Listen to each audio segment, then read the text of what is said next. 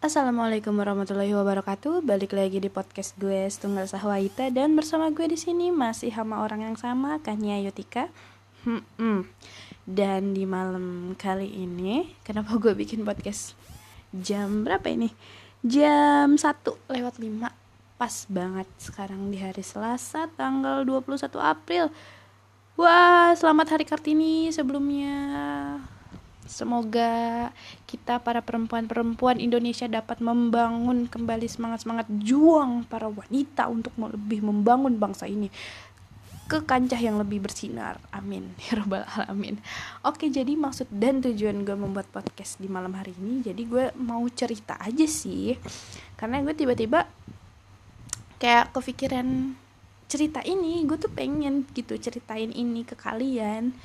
Soalnya gue ini belum gue pernah ceritain ke siapa-siapa. Cuma gue doang yang tahu. Jadi gini awal mulai ceritanya.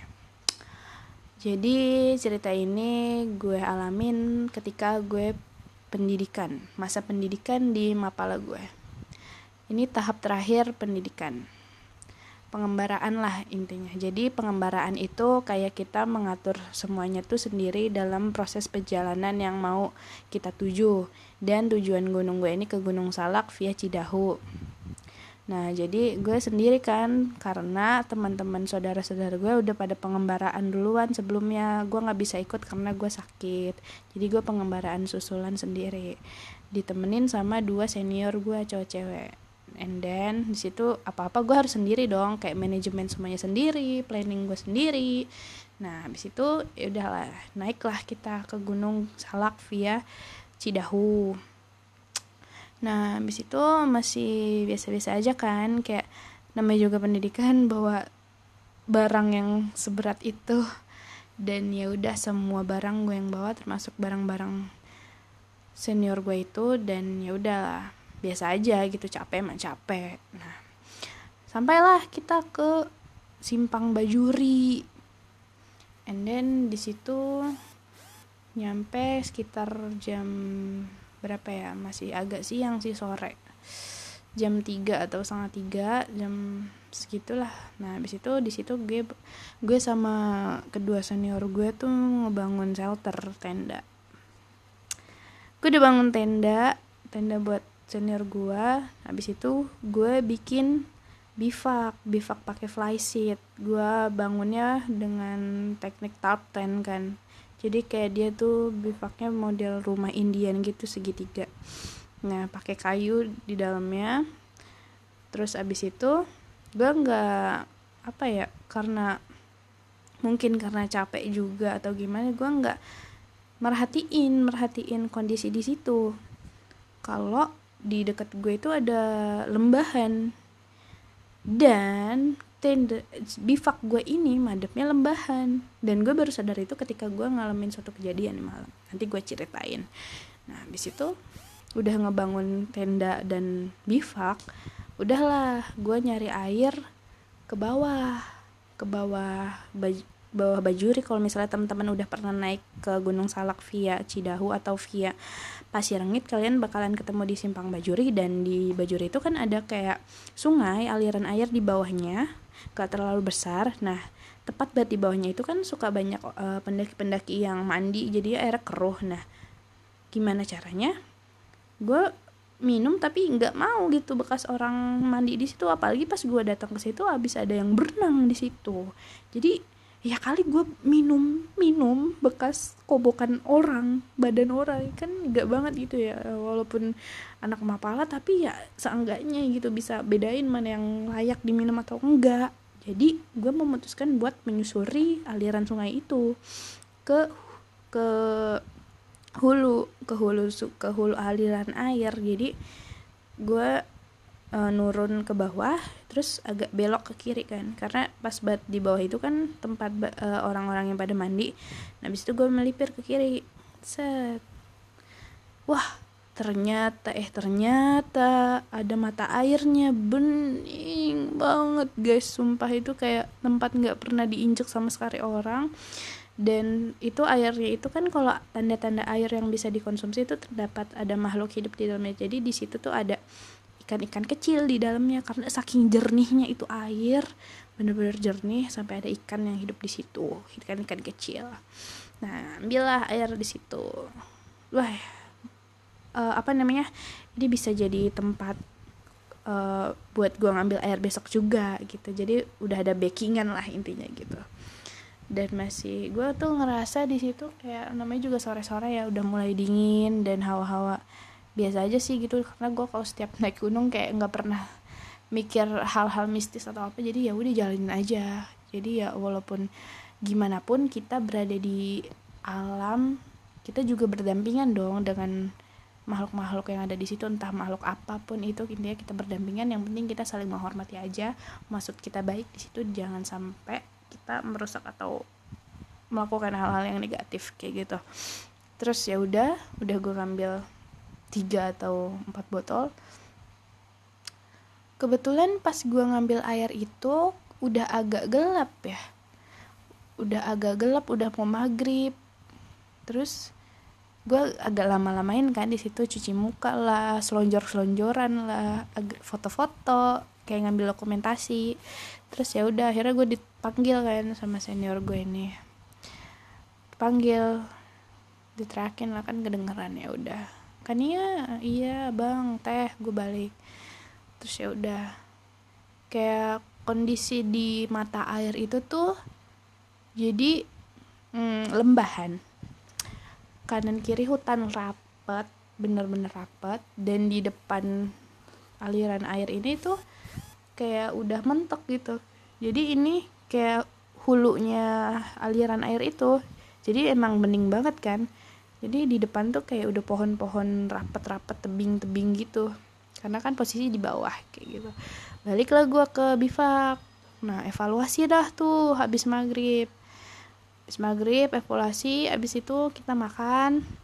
Habis makan itu masih menunjukkan pukul 8 masih menunjukkan pukul 8 malam. Dan udah mau tidur iya ngapain gitu sementara dia kan sender gue berdua gitu ada temen ngobrol gue gue sendiri mau ngapain jam 8 gitu loh.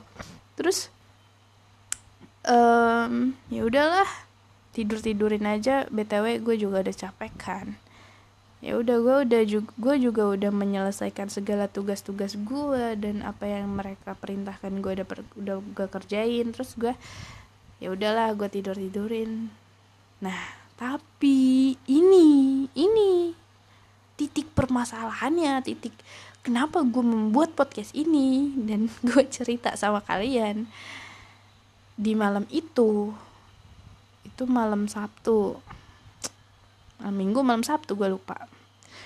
Eh pokoknya malam dah. Habis itu tidur lah kan berusaha untuk tidur tetapi gue mendengar suara-suara burung-burung dan binatang-binatang itu kayak berisik. Kayak lu gimana sih kayak dengar suara burung-burung? Kayak keresak keresak keresak keresak terus suara-suara burung apa binatang-binatang saut-sautan. Kayak berisik banget gitu nggak bisa gue bisa bikin gue tidur kan.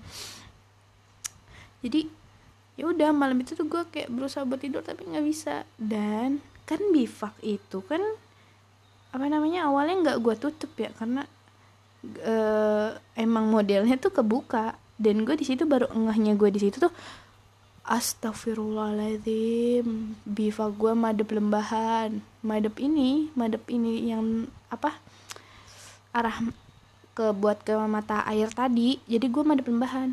Nah kalau malam angin itu bergerak dari lembahan ke punggungan. Begitupun sebaliknya, kalau siang baru angin bergerak dari punggungan ke lembahan. Dan salahnya gue di situ, gue madepnya ke lembahan, otomatis angin semua masuk ke bivak gue, buk buk buk buk buk. buk.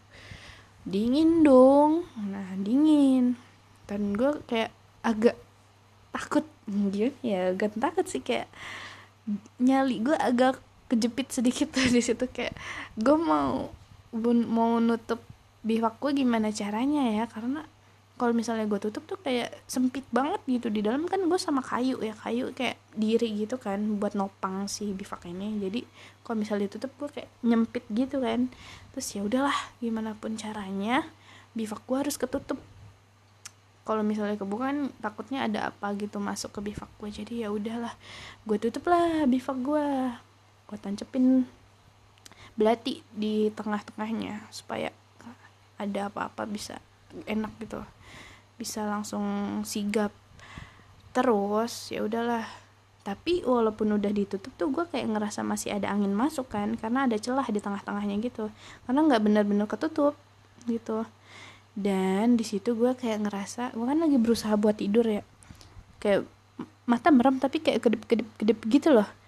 Terus gue kayak ngerasa di celah bivak gue tuh kayak dia ngelongok kayak muka gitu diem gitu. Gimana sih perasaan? Namanya perasaan tuh peka. Dan itu gue kayak ngerasa di, di diintip. Ada yang ngintip gue di ngintip gue dari luar. Nggak tahu itu apaan. Tapi gue ngerasain itu. Tapi ya gue berusaha buat tetap tenang buat tidur. Karena kalau misalnya gue udah ah udah lupain. Terus ya udah. Abis itu gue baca baca kan baca baca terus btw di situ gue juga lagi halangan hari-hari terakhir halangan. Jadi masih belum boleh sholat kan. Jadi ya udah baca baca baca baca terus habis itu eh, nggak uh, lama dari itu tenda gue eh tenda bivak gue kayak ada yang muterin. Jalan-jalan kan di situ kan banyak rumput apa daun-daun jatuh daun-daun kering jatuh. Jadi kalau orang jalan tuh kayak kayak kedengeran suara geresan geretan kaki gitu kan itu gue ngerasa ada yang muterin bivak gue srek srek jalan bener-bener seriusan jalan jalan tapi cuma muterin bivak gue aja gitu. Gue bener-bener bener jelas banget. Gue nggak bohong sama sekali. Seriusan karena gue ngalamin sendiri itu di Gunung Salak di pos Bajuri simpang Bajuri. Di situ. Nah habis itu puter-puter lah itu bivak gue sampai akhirnya gue menyadari bahwa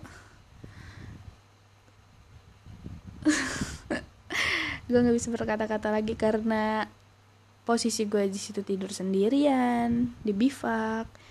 Gue mendengar suara-suara yang menegangkan karena di situ berisik benar-benar berisik. Terus bivak gue di situ ada yang muter-muterin terus gue ada yang ngelongok dari bivak karena benar-benar bivak gue ngadepnya ke lembahan. Dan ya udah gue pasrah aja lah di situ. Pasrah. Baca-baca. Akhirnya di jam gue masih ingat banget itu gue kan masih pegang handphone ya gue ingat jam 12 itu gue baru bisa tenang karena suaranya itu udah mulai hilang. Jam 12 lewat sekitar jam setengah satu udah mulai hilang suaranya dan ya udah gue tidur tapi tidur tapi nggak tenang. Tidur gimana sih? Tidur dalam keadaan panik panik gimana? Parno gitu kan karena ber, berjaga-jaga supaya kayak karena gue nggak dengar suara apa-apa lagi dari tenda senior gue kan tadinya tuh dia tendanya masih kedengaran suara ngobrol terus udah nggak kedengaran lagi. Jadi ya udah kayak gue tuh di situ berusaha buat ngejaga diri gue biar, tetap aman dan biar tetap uh, mental gue kejaga jadi mm, ya udah.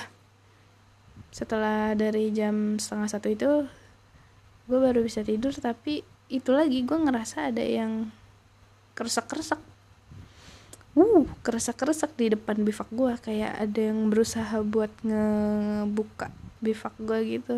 Terus dia nge ngelongok gitu gimana sih lu ngerasain? Karena itu situasi gelap banget bener-bener gelap. Dan nggak ada penerangan deh pokoknya gue nggak bikin api unggun gitu selama tidur kan. Dimatiin dan gue nggak berani nyalain senter karena kalau misalnya gue tiba-tiba nyalain senter takutnya tiba-tiba ada apa-apa gitu yang ngagetin terus gue jadi stres parah gimana kan? Jadi gue nggak berani. Terus ya udah ya udahlah gue ya udah pasrah aja di situ. Yang penting gue berusaha buat tetap tenang dan ya udah. Kayak gitulah cerita misterius selama di Gunung Salak.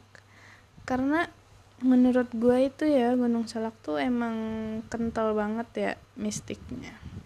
Di atas juga kan setelah malam itu berlalu paginya gue muncak. Muncak itu di atas katanya ada makom.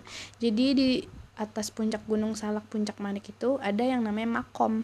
Jadi bukan makam guys. Sekali lagi gue tegesin di atas puncak manik itu adanya makom. Jadi itu tempat buat kayak berdoanya para kepercayaan kepercayaan orang situ. Kayak gitulah pokoknya tempat berdoa. Di situ juga ada kopi waktu itu gue lihat bekas kopi tapi yang jelas itu bukan makam ya bukan ada makam makam bukan ada orang di dalamnya nggak ada. Tapi itu tempat kayak buat berdoa aja. Gue sih informasi dari penjaga di situ. Jadi oh ya hmm, ya udah gitu. Menghargai aja menghargai apa yang dipercaya sama warga-warga situ. Di atas puncak juga gue cuma bertiga emang karena di situ nggak ada pendaki lain selain kita bertiga cuma bertiga foto-foto habis itu turun. Ya udah nggak ada kenapa-napa lagi cuma itu aja sih pengalaman mistis gue di Gunung Salak. Nah oke okay, guys. Jadi sebenarnya masih ada sih cerita-cerita di gunung-gunung lain tapi gue mau ceritanya di Gunung Salak aja dulu karena ini emang belum pernah gue ceritain ke siapa-siapa jadi gue pengen cerita aja gitu di podcast kayak ngomong ngomong gitu berbagi. Ya semoga buat teman-teman kalian ya di mana pun kalian berada ke mana pun kalian pergi kalian tetapkan pada diri kalian bahwa kalian itu lebih sempurna dari apa pun dan tetapkan di hati kalian. Kalau misalnya kalian muslim kalian punya Allah. Kalian yang nyiptain Allah kalian nggak boleh uh, apa namanya kalian nggak boleh ngelupain Tuhan kalian di setiap uh, perjalanan atau ke mana pun kalian. Karena apa ya suatu hal yang harus kita lakukan yang ingin kita lakukan itu harus ada campur tangan Tuhan. Harus ada karena supaya kita semuanya dalam menjalankan apa pun itu biar semuanya lancar, semuanya diberkahi. Semoga kita dilindungin sama yang menciptakan kita. Jangan sama sekali melupakan. Kayak gitu.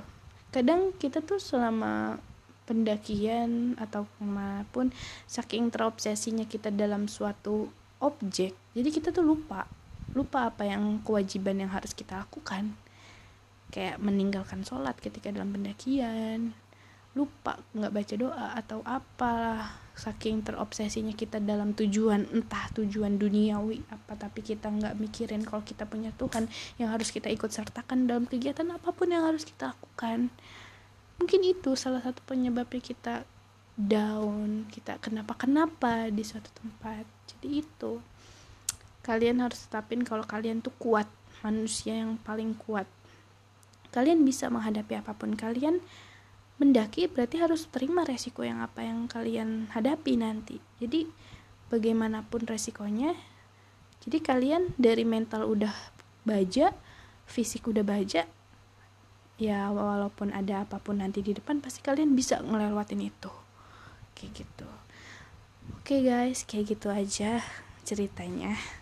Semoga menghibur dan memberi wawasan bagi kalian tentang cerita-cerita mistis gue ini di salah satu gunung di Jawa Barat. Oke, sekian dari gue. Semoga menghibur. Terima kasih. Wassalamualaikum warahmatullahi wabarakatuh.